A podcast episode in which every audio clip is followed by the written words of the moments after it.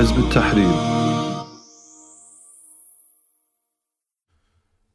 Profeten sallallahu alaihi wasallam han sagde, Innama al-imamu junna yuqatilu min waraihi wa yutaqa bih. At sandelig imamen, khalifen, er et skjold, som I kæmper bag og beskytter jer ved. Vi befinder os lige nu i Rajab måned, som er den måned, der markerede det definitive ophør med Khilafas eksistens. I går, som var den 3. marts, markerede det 99. år siden Khilafa og vores skjold forsvandt fra jordens overflade. Og jeg tror, vi alle sammen ved og har opfattet og har set igennem årtier, hvad konsekvensen var af fraværet af det her skjold og den her oprigtige leder, som varetog muslimerne både indrigs og udenrigs.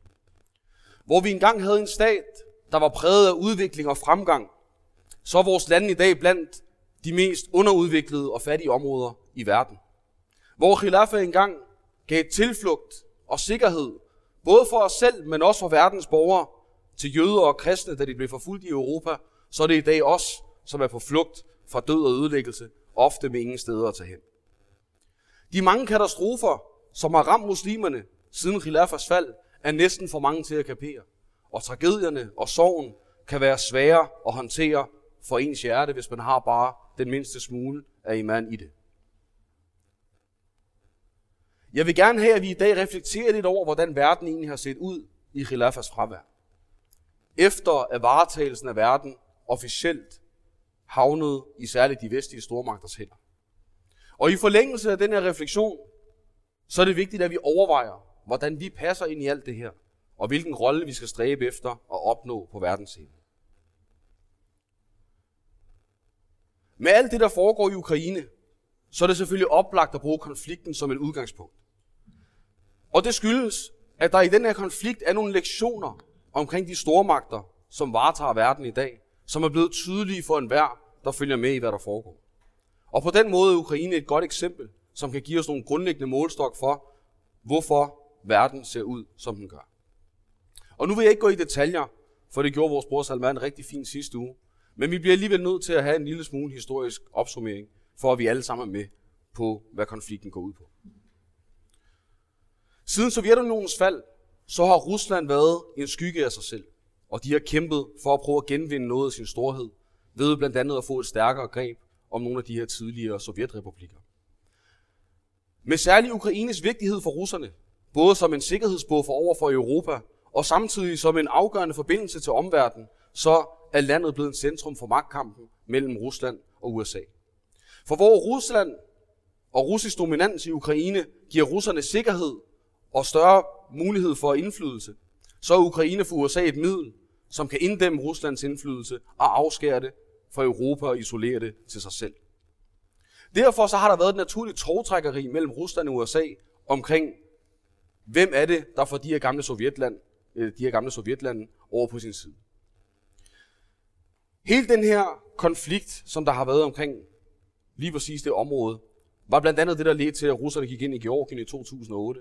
Og i 2014 så så vi, hvordan russerne annekserede en del af Krim, eller en del af Ukraine i forhold til Krimhaløen, og de øh, proklamerede eller støttede den her løsrivelse af nogle af de pro-russiske provinser for Ukraine.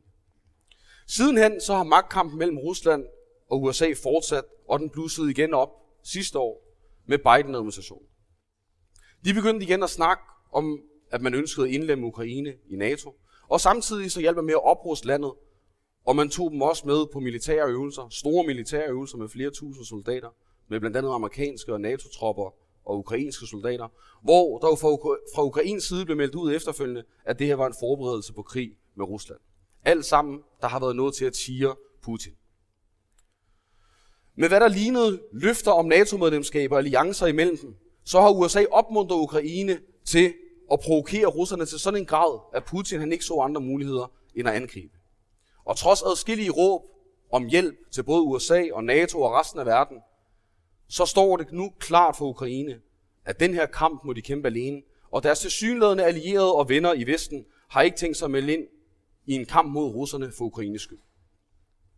Så nu står vi her, og magtspillet mellem USA og Rusland har resulteret i en russisk invasion af Ukraine. En krig, der raserer og en flygtningestrøm på mere end en million mennesker, og civile dødstal, som stiger for hver dag, der går. Men nu er der måske nogen, der kunne stille sig det spørgsmål, som allerede er blevet stillet flere gange for nylig i den forgangne uge. Hvorfor skal vi som muslimer overhovedet bekymre os om, hvad der foregår i Ukraine? Og her vil jeg gerne sige et par ting.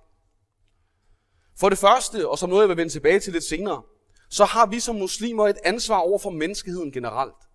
Så udover de her 500.000 muslimer, der er bosat i området, som er lige så udsat i konflikten som alle mulige andre, så bør drab og undertrykkelse til enhver tid lede til bekymring og bedrøvelse for en muslim. For det andet, og som er måske mere relevant for det, vi ellers skal snakke om senere i dag, så er Ukraine vigtig, fordi de stormagter, altså USA og Rusland, som der lige nu udøver deres magt og politiske spil i Ukraine, er de samme stormagter, som konsekvent og konstant involverer sig i muslimernes lande. Og hvis vi ikke forstår, hvordan og hvorfor de agerer, som de gør, så kan vi ikke forestille os, at vi nogensinde kan slippe fri fra deres klør og den elendighed, som vi er blevet ramt af igennem deres hænder. Ser vi særligt på amerikanerne i det her spil, så har de netop gennem Ukraine vist, hvilken slags varetager af verden de er, da de tydeligvis har været villige til at ofre civile i det her stormagtsspil. For selvom de vidste på forhånd, at den her invasion fra Rusland var lige rundt om hjørnet, og selvom de har set Ruslands invasion af både Georgien og Ukraine tidligere, så har de intet gjort for at stoppe eller mane de her aggressioner til jorden. Tværtimod, så har de stået på sidelinjen og pustet til ilden, for at konflikten kunne bryde ud i lyslue. Med Ukraine som brik i et større politisk spil, så har de trukket Rusland ind i en konflikt med det formål at svække dem, hvor de lammes både gennem krigen og de sanktioner, som de møder fra omverdenen, samtidig med at båndet til Europa knækkes og deres indflydelse indskrænkes. Og hvis amerikanerne formår at lægge pres på Kina til at tage en modposition til Rusland, hvilket der er noget, der tyder på kan være på vej, så kan det være, at amerikanerne får succes med at få Rusland til at rette ind og spille efter den amerikanske melodi, sådan at de senere kan bruge dem i en konflikt med Kina. Generelt så handler den her krig meget mere om amerikansk og russisk magtposition i verden, end den handler om et oprigtigt, dybfølt vestligt ønske om ukrainernes bedste. Og nu er der selvfølgelig mange mulige udfald på den her konflikt, og kun Allah han ved bedst, hvem der bliver de klare vinder og taber i det hele. Men en ting er sikkert, og det er, at USA i sin stræben efter egne interesser har skubbet Ukraine ind i en krig, som de umuligt kan vinde. Og mens de forskellige stater i Europa forsøger at styrke deres egen position i den situation, de nu befinder sig i, så er den store taber i hele det her spil den ukrainske civilbefolkning, som allerede nu er begyndt at betale prisen. Det her hyggeleri, vi ser lige nu, ikke kun for USA, men for hele den vestlige verden, afslører, hvad de vestlige stormagters reelle værdier er, når de blander sig på verdensscenen. For den internationale lov, som Vesten holder højt hævet i deres kritik over for Rusland i dag, havde ingen betydning, da Vesten selv invaderede Afghanistan, eller da de investerede, invaderede Irak, eller da Indien tog Kashmir, eller når jøderne gentagende begår overgreb imod muslimerne i Palæstina. Og når vi overvejer de nuværende sanktioner imod russerne, så er det jo slående, at de her sanktioner var fraværende over for russernes massakre i Syrien, som i størrelsesorden fuldstændig får Ukraine til at blegne men som hverken udløste sanktioner eller støtte til den lokale befolkning. Og når vi kigger på de reaktioner, der har været indrigs i de forskellige europæiske og vestlige lande, og særligt i Danmark, så bliver det hele bare en lille smule grimmere. I Danmark har vi set, hvordan asylpolitikken gik fra, at der var simpelthen ikke plads til flere, og nu skal der være asylstop, til at man pludselig kunne tage 20.000 ukrainer ind fra den ene dag til den anden, som alle skulle sikres bolig og beskæftigelse fra første fod, de sat på dansk jord. Vi har også set, hvordan at dem, der hjælper ukrainske flygtninge, bliver omtalt noget anderledes end dem, som der tog ned for at hjælpe syriske flygtninge, da man kaldte dem for menneskesmuglere. Og hvor dem, der tog til Syrien, ikke engang nødvendigvis for at kæmpe, men for at give nødhjælp til den syriske befolkning. Og selv dem, der kæmpede, som kæmpede mod blandt andet de russiske styrker, så kom de hjem til fængselsdommen og terrorsikkelser. Og nu så ser vi erklærede højre ekstremister på åben dansk tv, på åben skærm, som der kalder til en rekruttering til kampen i Ukraine med fuld opbakning fra den danske stat. Summen af alt det her, det afslører, at det for den vestlige verden ikke handler om international lov eller om demokrati eller menneskerettigheder, hverken når de fordømmer nationer, eller når de selv invaderer andre, eller i deres behandling af de mennesker, der bor inden for deres egne grænser. Det, det handler om, det er deres egne interesser. Og de her noble værdier, som de ellers har snakket så stort om, de rækker kun dertil, hvor interessen ikke er længere. Og så er der ellers kun rendyrket kapitalisme og hyggeleri og diskrimination tilbage for resten af pengene. Men det her må aldrig komme bag på os. For når vi snakker om kapitalistiske nationer, hvor interessen til enhver tid er i højsædet, og når du samtidig har grundlæggende nationalistiske islet i de her vestlige stater, så kan man ikke forvente andet. Og det er det vigtigt at forstå, fordi det siger noget om, hvordan de vestlige stormagter tænker og anskuer verden omkring dem. Nu har vi talt en del om væbnede konflikter, men selve det menneskesyn og den kultur, der ligger bag dem, er årsag til den generelle tilstand, som verden befinder sig i. For hvad er det for en verdenssituation, vi har set? Hvad er det, vi kan sige om den, som den har udspillet sig gennem de sidste 100 år? Hvor Vesten har domineret i praksis og været ansvarlig for menneskeheden. Vi har set de værste folkedrab i menneskehedens historie. Vi har set kolonialisme kun for at blive erstattet af neokolonialisme og udplyndring og underkugelse af befolkninger, særligt i Afrika og Mellemøsten og Asien. Og vi har set fattigdom og ulighed og økonomiske kriser og morals fordærv blive spredt hele kloden rundt igennem vestens projekter og initiativer. Det er tydeligt for selv den blinde, at verden ikke er blevet bedre sted uden khilafa. Og det kaos, som menneskeheden befinder sig i, er ikke bare noget, der opstår ud af ingenting, men det forårsages af dem, der står som dens varetager. Og her vil jeg faktisk gerne tage en kommentar med, som en bror han stillede her forleden, som han selv havde fået i en diskussion med en bror omkring hele det her hyggeleri, vi ser lige nu. Det ham med, broren havde sagt, det var, hvorfor skal vi overhovedet snakke om alt det her? Vi ved jo godt, at de her vestlige ledere, de er korrupte, og de er nogle hyggelige, og man ikke kan stole på dem. Så hvorfor skal vi bruge så meget tid på noget, som vi alle sammen er klar over i forvejen? Og til det der vil jeg sige, at for det første er jeg ikke overbevist om, at der, det, at der er en generel bevidsthed om, hvad det her hyggeleri og det her stormagtsspil i virkeligheden er udtryk for. For du kan have muslimer, der lige nu har travlt med at påpege det her hyggeleri for særligt danske politikere. Men alligevel, så næste gang der er folketingsvalg, så stemmer de ned og sætter et kryds i håb om, at de kan beskytte muslimernes interesser igennem de selv samme politikere.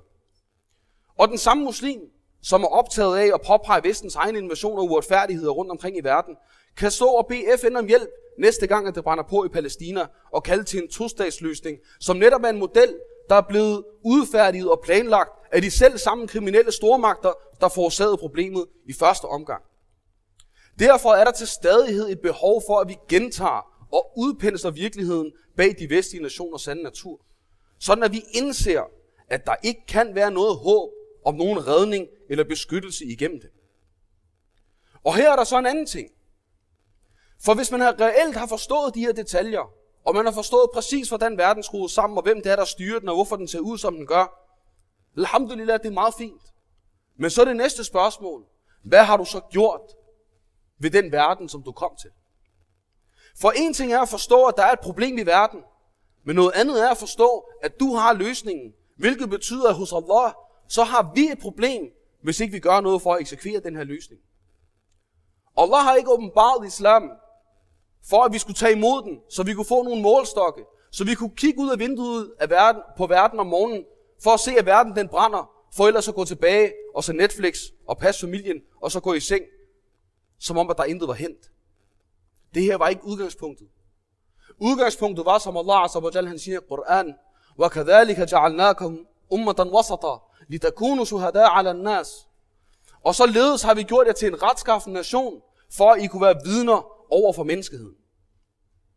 Allah han satte os ikke på den her jord, for at vi skulle overvære besættelser og fattigdom og kaos, mens verden varetages af Vesten eller Rusland eller Kina. Hvor muslimer og store dele af verdens befolkning kan udnyttes og ofres i stormagtsspil. Formålet var, at vi skulle være vidner over for menneskeheden. Det betyder ikke bare, at man kigger ud og siger, åh, oh, det ser ikke særlig godt ud det der. Det betyder, at man viser menneskeheden vejen. Det var meningen, at vi som muslimer skulle repræsentere en enhed og en autoritet og et kald, som i praksis fremviser sandheden over for falskheden og viser menneskeheden et alternativ til de systemer og den virkelighed, de lever under i dag. Det var meningen, at der skulle eksistere en stat, som ikke leger med folks liv i søgen efter magt, og som ikke udsulter, udsulter og udplyndrer hele kontinenter for en værs i gavn. Verden har brug for en stat, som tilsidesætter personlige interesser, og kun lader sig lede af retledning fra Allah subhanahu wa ta'ala, der som skaber af mennesket er den eneste, der evner at fastsætte et retfærdigt system for alle mennesker, og ikke kun for muslimer.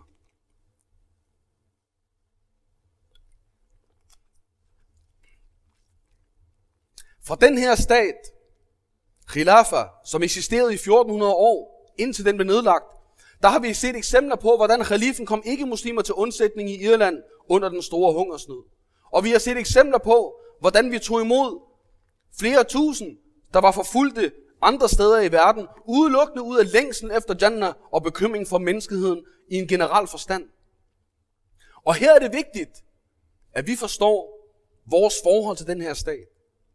For ansvaret for etableringen af den her stat døde ikke med profeten sallallahu alaihi wasallam. Og ligesom sahaba, Ridwan alaihim, kæmpede for at etablere og beskytte og udsprede den her stat, så ligger det på vores skuldre i dag, at rejse den her stat fra dens aske, for at retfærdighed og barmhjertighed igen kan eksistere i den verden, vi lever i. Som bærere af den her din, så bliver vi nødt til at indse, at vi har en rolle og et ansvar og en pligt til at sprede den her din til menneskeheden, så den kan blive sejrig. Livet hirahu ala din i kulli, som Allah subhanahu wa ta'ala han siger, sådan at den kan blive dominerende, den kan få autoritet over enhver form for din og system, som der eksisterer i den her verden, som modstrider det formål, som Allah subhanahu wa ta'ala har skabt mennesket med. Den her verden, den lider under ledelse af de vestlige stormagter. Og vi må ikke acceptere for os selv, at vi sidder med løsningen på verdens problemer mellem vores hænder, uden at vi tager ansvar for, hvad der foregår omkring os, og gør noget for, at de her løsninger bliver til virkelighed. Verden er ikke blevet et bedre sted uden khilafa. Og verden bliver aldrig et bedre sted uden Allahs rahma. Og Allahs rahma kan ikke mærkes uden tilstedeværelsen af den stat, som i praksis implementerer Allahs rahma og lader mennesker se den og mærke den på egen krop. Og det her, det betyder for dig og mig og alle muslimer rundt omkring i verden, at den, der gerne vil arbejde for islam, så skal han vide, at arbejdet for islam er meningsløst i det store billede, hvis ikke det her arbejde involverer og etablerer islam. Og så ved jeg, at der vil være nogen, der sidder og tænker, Ach, slap lige af med det der ændring af samfundet og verden og alt muligt, men vi har nok problemer bare her, hvor vi bor i Danmark. Men, Achil Karim, hvis ikke vi hæver os over vores bekymringer omkring halalmad i børnehaven, om vi kan lave fredagsbønden på arbejdet, og hvis ikke vi forstår, at de udfordringer og problemer, vi oplever som muslimer i Danmark, er koblet til khilafas fravær og den verdenssituation, vi ser generelt, så vil vi til enhver tid og evig og altid sidde fast i de her problemer. Og vi vil blive ved med at opfatte os selv som en isoleret lille bitte del af umma, som opholder sig som muslimer i Danmark. Hvis ikke vi hæver os over de her lokale spørgsmål, og søger at etablere en stat, der kan varetage menneskeheden, så vil vi aldrig nogensinde komme videre og ud af vores problemer som umma. Og du vil aldrig kunne leve uden problemer og udfordringer noget som helst sted, uagtet hvor du bosætter dig. Det er på tide, at enhver muslim forstår, at islams politiske løsninger og bevidstgørelsen af dem skal stå øverst på vores dagsorden, hvis vi reelt ønsker at løse vores problemer og arbejde for den her din.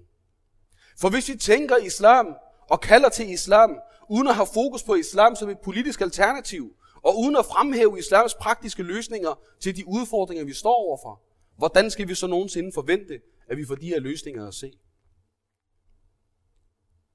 De stater, der varetager menneskeheden i dag, er ikke deres position værdig. Efter årtier med vestlig dominans, og deres raseren fra øst til vest i frihedens og demokratiets navn, så er deres sande værdier og formål i verden blevet tydelige. Og selv blandt de vestlige befolkninger, så kan vi se, at tilliden og opbakningen til deres ledere og systemer er dalende.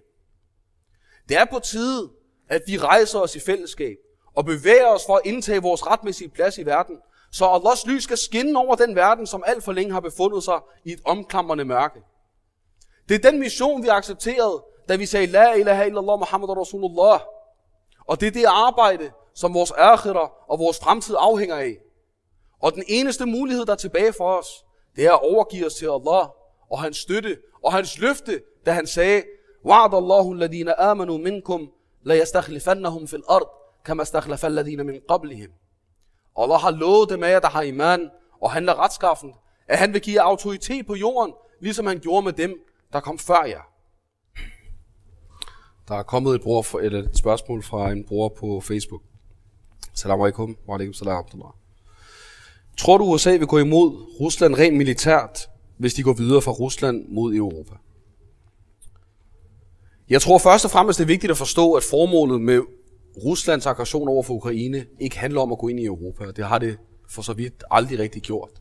Det, det handler om, som jeg også nævnte for Rusland, så handler det grundlæggende om, at Ukraine er en vital interesse for dem. Og det her tårtrækkeri, der har været imellem USA og Rusland i mange år efterhånden, er ikke noget nyt. Det er noget, der har stået på længe. Og den her konflikt er der mange, der har spået om, ville ske uundgåeligt, hvis ikke enten amerikanerne eller russerne trak sig fra Ukraine. Så det, der er sket nu, det er, at øh, USA har formået, efter alt at dømme, at lokke Rusland ind i en konflikt, som de i virkeligheden ikke hverken var interesseret i eller havde behov for. Fordi Rusland er et land, som på mange måder økonomisk står svagt i forvejen. De har allerede været ramt fra øh, sanktioner efter det, øh, der skete i 2014, da de annekterede Krim. Og Putin vidste udmærket godt, at en invasion af Ukraine ville medføre verdensomspændende sanktioner. Det er noget, som Biden han, øh, advarede imod tilbage i, allerede i 2021, midt 2021. Øhm, så det, der har gjort, de har følt sig tvunget, det var, at de ikke kunne se nogen anden udvej, end at gå ind i Ukraine. Fordi at både Ukraine og USA igen blev ved med at give udtryk for, at landet skulle optages i NATO.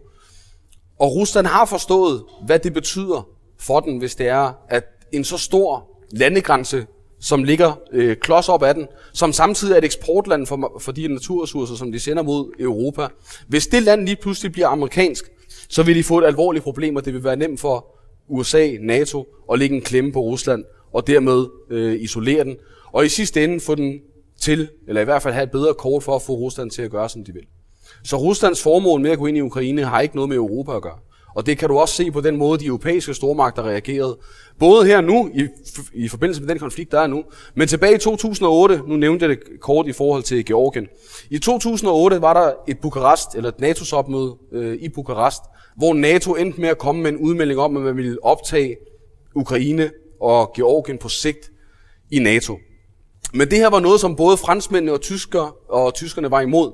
Fordi de kunne ikke se en trussel fra Rusland, og det de samtidig kunne se, det var, at hvis man kom med sådan en udmelding, så ville det presse russerne til at gøre noget drastisk, og det var præcis det, der skete efterfølgende, da de gik ind og invaderede Georgien.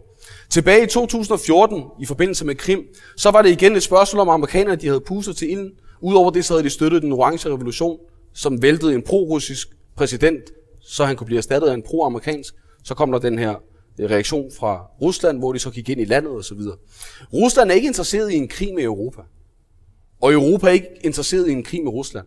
Det her spil, der foregår lige nu, det er et spil mellem USA på den ene side, og NATO, som de anvender som et værktøj i det regi, og så med Rusland, som der igen prøver at få en større indflydelse på den internationale scene, øh, og have en, øh, en, en sikkerhed, en buffer, en sikkerhedszone imellem NATO-landen og sig selv.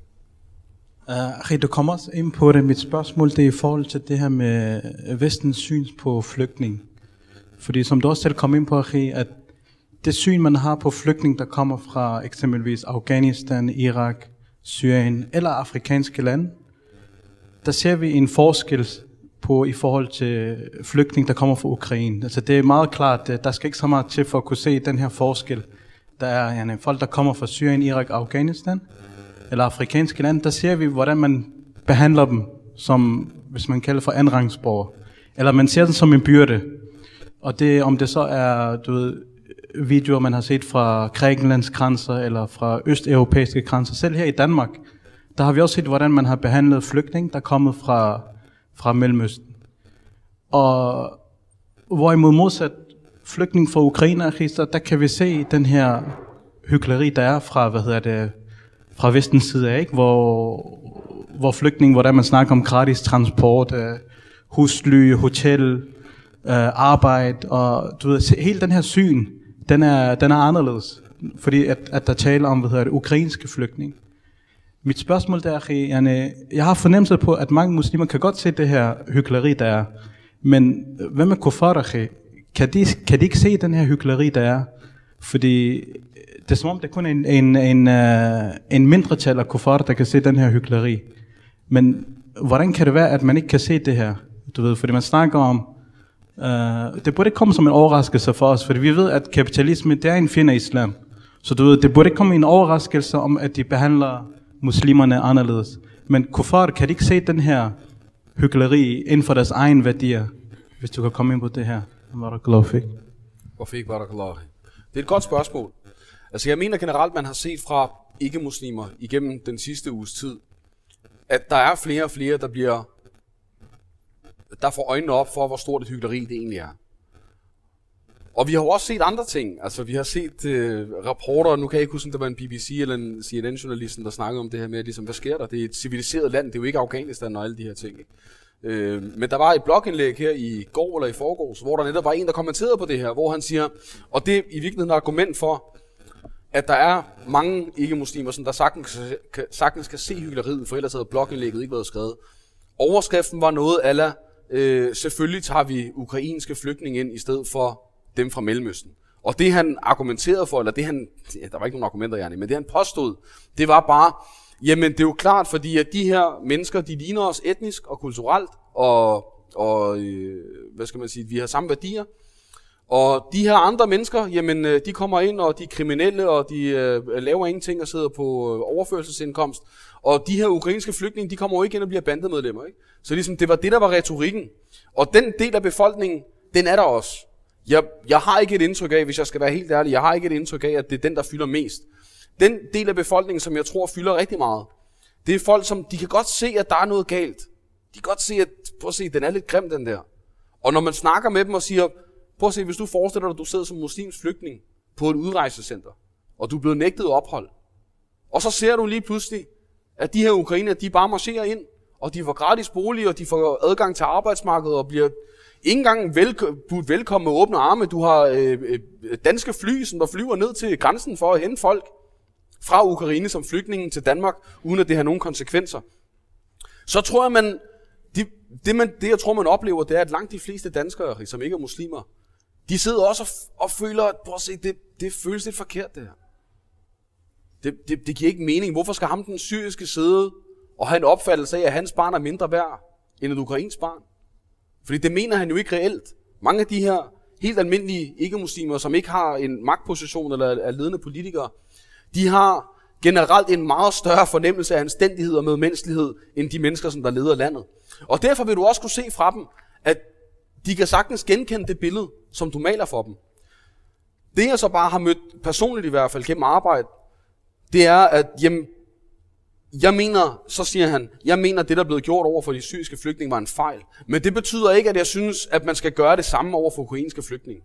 Så jeg er glad for det, de har gjort over for de ukrainske flygtninge, men, men jeg synes, man skulle have gjort det samme over for de syriske flygtninge. Men det er jo der, hvor noget af det her med at udstille hyggeleriet og tilgangen og den generelle optræden på den internationale scene, det er jo her, hvor det her blandt andet bliver vigtigt. Fordi den bror, som der spurgte, jamen hvorfor skal vi overhovedet snakke om det med hyggeleriet? Vi ved det godt. Han har jo en pointe. Fordi til del så vil jeg mene, at det er en konklusion hos mange muslimer, at de her mennesker, de, vi kan ikke stole på dem, når det kommer til stykket. At de så ender med at sætte deres lid til dem, at de ikke har detaljer osv., det er et problem. Men for den vestlige befolkning, for den danske befolkning, nu specifikt i vores henseende, så mener jeg ikke, de er samme sted. Jeg mener ikke, de husker eller opfatter nyhederne, som der udspiller sig omkring dem på samme måde, som vi gør. Derfor skal vi hjælpe dem til at forstå, hvad det er for nogle ledere, de har omkring dem. Jeg havde en diskussion, jeg havde en køretur til Jylland i dag med, med to kolleger. Det var en køretur på to timer, og det føltes som om, det tog en halv time. Fordi vi hele vejen igennem, så diskuterede vi det her med Ukraine.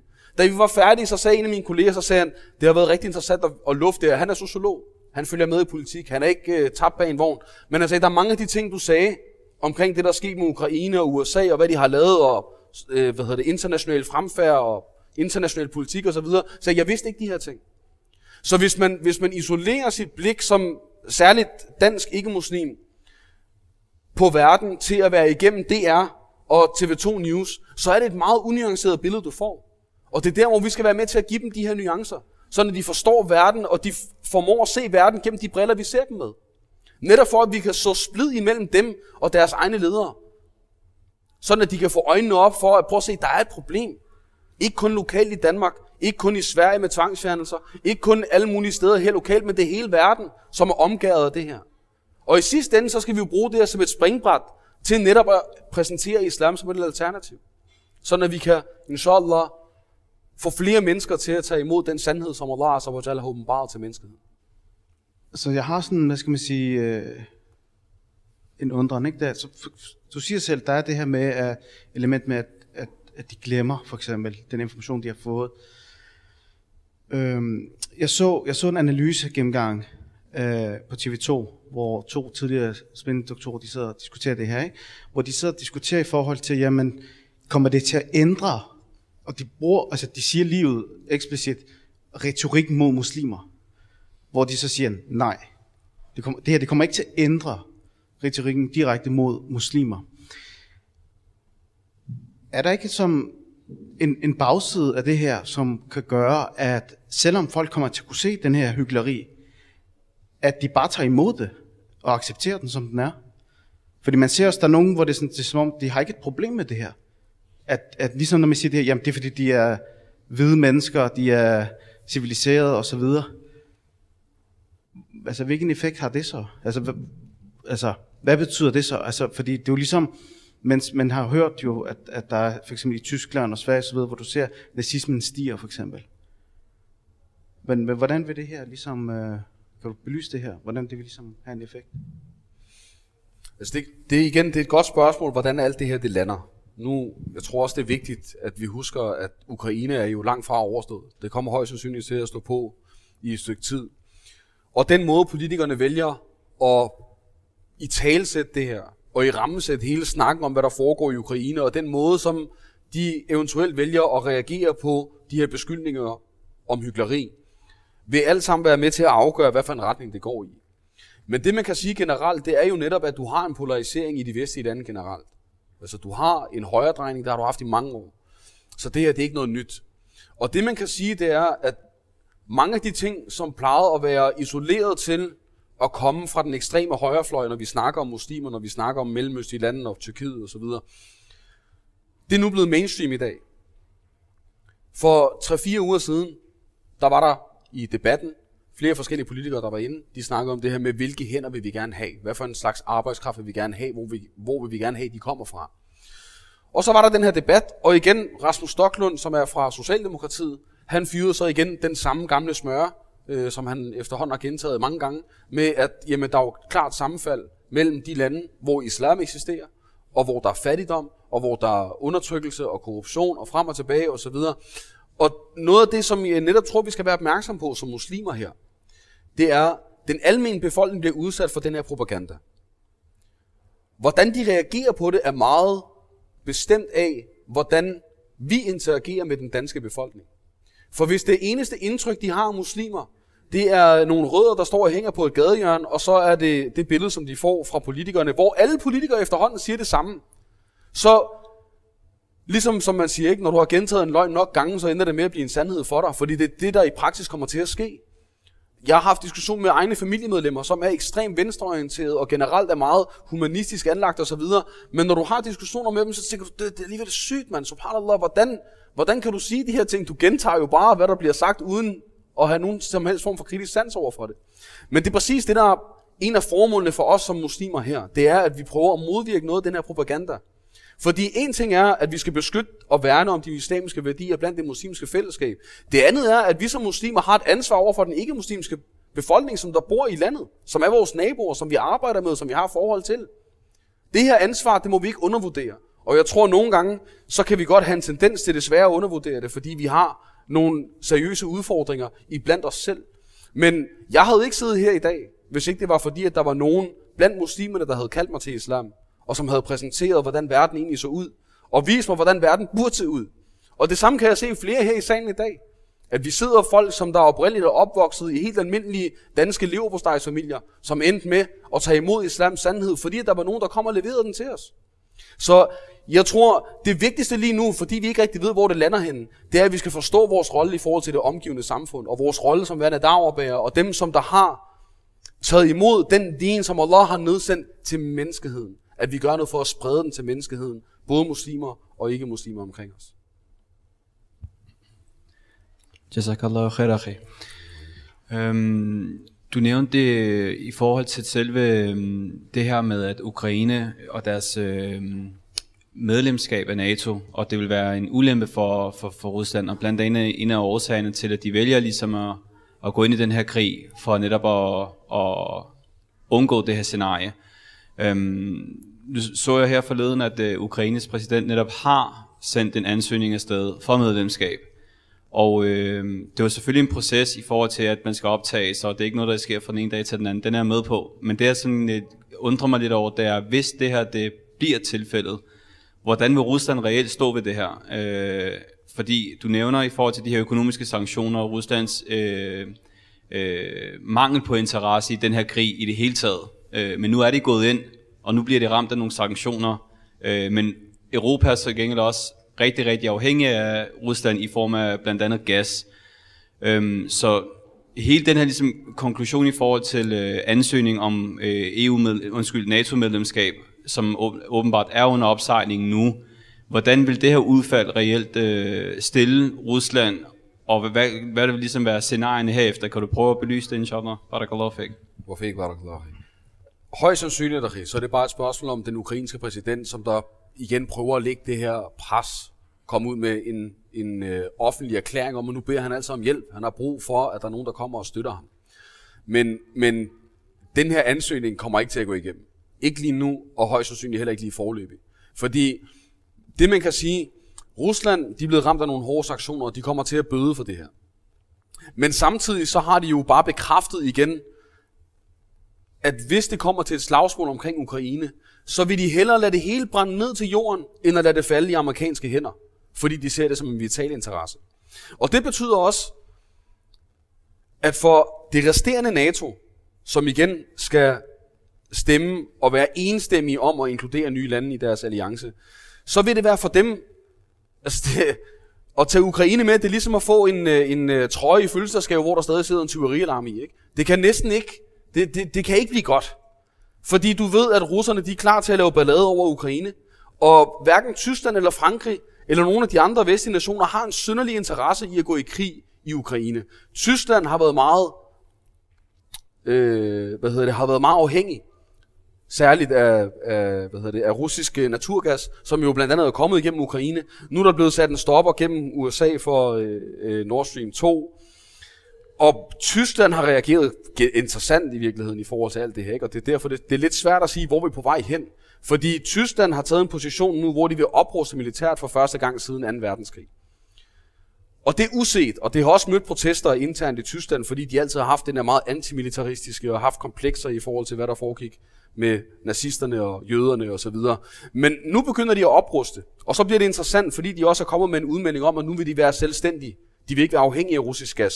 Selvfølgelig også, fordi de kan se, at det her det, det binder os til nogle ting, som vi ikke nødvendigvis har lyst til at være en del af. Men, men grundlæggende i forhold til det, du spørger om, i forhold til Ukraines NATO-medlemskab, jeg tror ikke, man kan være i tvivl om, at den ukrainske præsident er begyndt at blive lidt desperat. Nu, vi har set den ukrainske ambassadør få klapsalver i Folketingssalen her forleden, og han var også inde i øh, et show på DR, hvor han bare, altså det var det ene efter det andet, hvor bare, jamen vi skal nok klare det, vi er stærkt folk, og vi har modet højt, og vi kan klare os i, i hvert fald 10 måneder og så videre. Ikke? Men, men det, det ser ud til, det er jo, som alle andre godt var klar over i forvejen, før konflikten gik i gang, at hvis Rusland reelt sætter alt ind, hvad de har, så er Ukraine færdig på et øjeblik.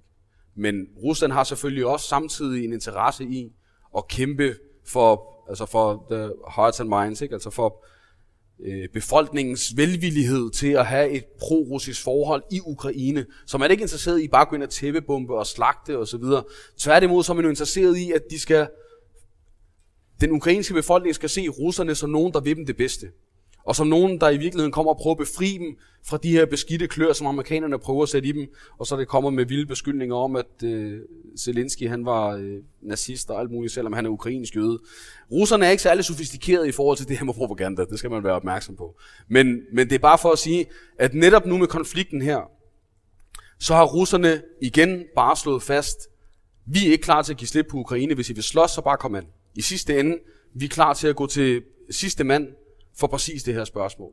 Det er det blevet bekræftet for europæerne, som i forvejen vidste præcis, hvad der var tale om. For amerikanerne, det er blevet bekræftet, og Biden han har så sent som i dag, så har han bekræftet, at der vil ikke komme en flyveforbudszone over for eller over Ukraine i forhold til Rusland, fordi at amerikanerne skal ikke i krig med Rusland. Så hvis du ikke er interesseret i at gå i krig med Rusland, så tager du ikke Ukraine ind i NATO. Det er relativt simpelt i virkeligheden. Men hvis det sker, hvis det sker, så vil Rusland have alvorlige problemer. Og så er det svært at spå, hvordan de nogensinde skulle rejse sig igen, i forhold til at få indflydelse i Europa. Jeg har et spørgsmål lige i forhold til det med Ukraine-krigen i før, ikke? Altså, som nyhed, som alle ved, der er masser af videoer, alt skal lægges op på sociale medier og så videre. Så er det ikke en hemmelighed, for eksempel vores islamisk republik, Tjetjenien. Hvorfor skal de være i føretrøjen? Ligesom promovere sig. Altså, som jeg kan se det, det er penge og kun interesser nu til dags. Øh, der nærmest ødelægger også islam. Jeg tænker bare, der er allerede negativ fokus på islam. Hvorfor skal så Tjetjenien, som øh, deres leder Ramzan, ikke? Hvorfor skal han være nærmest i føretrøjen og nærmest uh, sende sine muslimske tropper nærmest uh, for at kæmpe Ruslands kamp? Jeg tænker bare, har de ikke glemt uh, 95'erne, hvor der var krig i Tjetjenien, og det russerne har gjort? Mm. Ja. Jo, okay. Altså, det er jo desværre et godt eksempel på, hvad der sker så snart, at du har en stormagt, der går ind i et muslimsk land og får sat en person på magten, som er pro den stormagt. For det var det samme, da vi så invasioner i den islamiske verden. Vi har set det i Syrien, vi har set det i Irak og Afghanistan. Afghanistan, amerikanerne kom ud bagefter og sagde, at den invasion kunne ikke lade sig gøre, hvis ikke iranerne var med. Hvis ikke de gav opbakning. I forhold til Syrien, vi har set Tyrkiet stille baser til rådighed fra amerikanske bombefly, for at de skulle gå ind og bombe civile i Syrien. Så, så det her igen, det skal ikke komme bag på os, men selvfølgelig det farver os. Og det er noget, som, der, som jeg startede med et oplæg med at sige, jo, jo mere man påminder sig selv om, hvor meget elendighed den her umma, den er gennemgået i Khilafas fravær, så kan det være svært at kapere.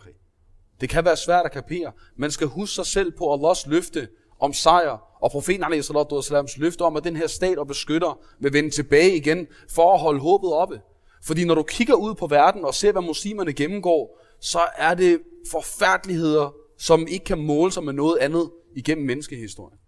Og det er det her, igen, jamen du har en person, han er agent, i det her tilfælde russisk, men om han er russisk eller amerikansk, så bliver udfaldet det samme. Det er, at du har muslimer, der bliver sendt ud i kamp og i tjeneste for et beskidt spil og for kuffer, og de dør for kuffer, og de bekæmper kuffer for kuffers skyld, og nogle gange bekæmper de også folk, der bærer på iman. Så igen, så skriger det bare efter, at du har enorme store muslimske befolkninger alle steder i verden. Om det er en million, der er interneret i genopdragelseslejre i Kina, eller om det er de gamle Østlande, Rusland, eller hvad hedder det, Tjetjenien og Uzbekistan osv., hvor der er store koncentrationer af muslimer, eller Krim for den sags skyld, da den blev annekteret i Rusland i 2014, som heller ikke har haft det nemt. Jamen det over det hele, det er et verdenomspændende, det er et globalt problem, vi står overfor. Og det er derfor, at vores fokus bliver nødt til at være globalt. Og vores kald bliver nødt til at være globalt. Og vores arbejde bliver nødt til at have et globalt sigte, ellers vil vi aldrig nogensinde komme til bunds i de her konflikter og de her problemstillinger, vi står overfor.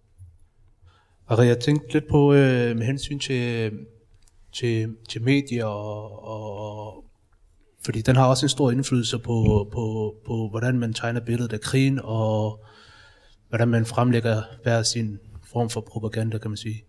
Øh, og, og vi, har, vi hører jo kun fra den ene side af, af sagen, yani fra, fra vestens side, og hvorimod rosernes øh, øh, side bliver sådan mørklagt og boykottet, og man hører ikke så meget fra dem. Og øh, selvfølgelig så hører vi også kun som om, at det er, selvom de begge to er skurker, at det er Rusland, der er skurken, og vi er frelser, frelser, dem der frelser. Øh, og øh, her sidst, der hører man også, at øh, det er som om, at øh, russiske soldater bliver lokket i krigen. Det var som om det er en slags øvelse, og nu står de og græder, og de har bare fået en mobiltelefon i hånden, og det bliver bare tegnet sådan en rigtig usel billede af russerne. Og det er sikkert også usle, Khair. Men hvordan, Anne, har du nogle idéer til, øh, eller forslag til, hvordan man kan få sådan en øh, objektiv nyhed, eller følge med objektivt, fordi som jeg også var inde på, og for i oplæg sidste fredag, var at vigtigheden i at følge med for vores side af, men man får jo kun en side af sagen, og det er kun, hvad de har på i sigte at fortælle os. Så om du havde nogle forslag til en, sådan en objektiv syn på, på krigen, Barakallahu der klar fik. Mufik Barakallah. Altså nu kan man sige specifikt, hvad der foregår lige nu. Så ved vi godt alle sammen, at i krigen, så det første offer, det er sandhed. Og du vil have hver part, som der står på hver sin side af konflikten, og som har forskellige odds i krigen, som vil fremlægge hele konflikten på den måde, som der nu kommer til deres fordel på bedste vis. Men generelt set, så er det jo også, som du siger, at de her medier, du kan ikke regne med, at det er bare en objektiv sandhed, de beskriver. Og det er jo også det, der gør det kompliceret. Om du læser fra vestlige, eller russiske, eller kinesiske medier, så kan du stykvis, nogen mere end andre, men så kan du i brudstykker begynde at, at samle et narrativ, som der så giver et mere komplet billede. Men det jeg egentlig vil opfordre til først og fremmest, det er, at man læser de politiske analyser, som Hezbollah Tahrir udgiver fra tid til anden, hvor vi blandt andet kom med en her i slutningen af, jeg tror det var december 2021, i forhold til Krim. Hvor altså, mange af de skridt, som der er blevet taget nu, blev beskrevet i den løbeseddel, før det var sket. Og det er ikke første gang, at der kommer de her analyser, hvor jeg siger, prøv at se, det kan gå den her vej, den her vej eller den her vej. Og der tager den med citater, hvem har sagt hvad, hvornår, og hvad skete der bagefter, og som resultat af det, og reaktion på det, osv. Det her, det hjælper enormt meget. Ellers så er det bare det her med, at man generelt har et vågent øje for, hvad der foregår i verden omkring en. Så hvis man hører noget, som der lyder lidt mærkeligt, ligesom det, nu kan vi tage det her eksempel med tvangsfjernelser i Sverige. Hvis man hører noget, som der lyder lidt mærkeligt, at på den ene side, så har du en hel masse muslimer, som der påstår, at deres børn de bliver tvangsfjernet, og der er diskrimination og alt muligt, fordi de er muslimer. Og så har du svenske myndigheder, der kommer ud og siger, nej, nej, det er løgn alt sammen, der er ikke noget om det. Og de danske myndigheder bare siger, nej, nej, det er løgn, der er ikke noget om det, fordi det siger de. Så bør man tænke som muslim, prøv at se, det kan godt være, at jeg lige skulle undersøge lidt her, ikke? Og hvad kræver det så? Jamen, så kræver det måske, at du dykker ned i nogle rapporter eller noget, noget litteratur, som er skrevet på området, og så det kan gå nogle gange også et stykke tilbage, før du kan få et billede, som reelt giver dig et indtryk af, hvad er det, der foregår. Men det er nogle gange det, der skal til.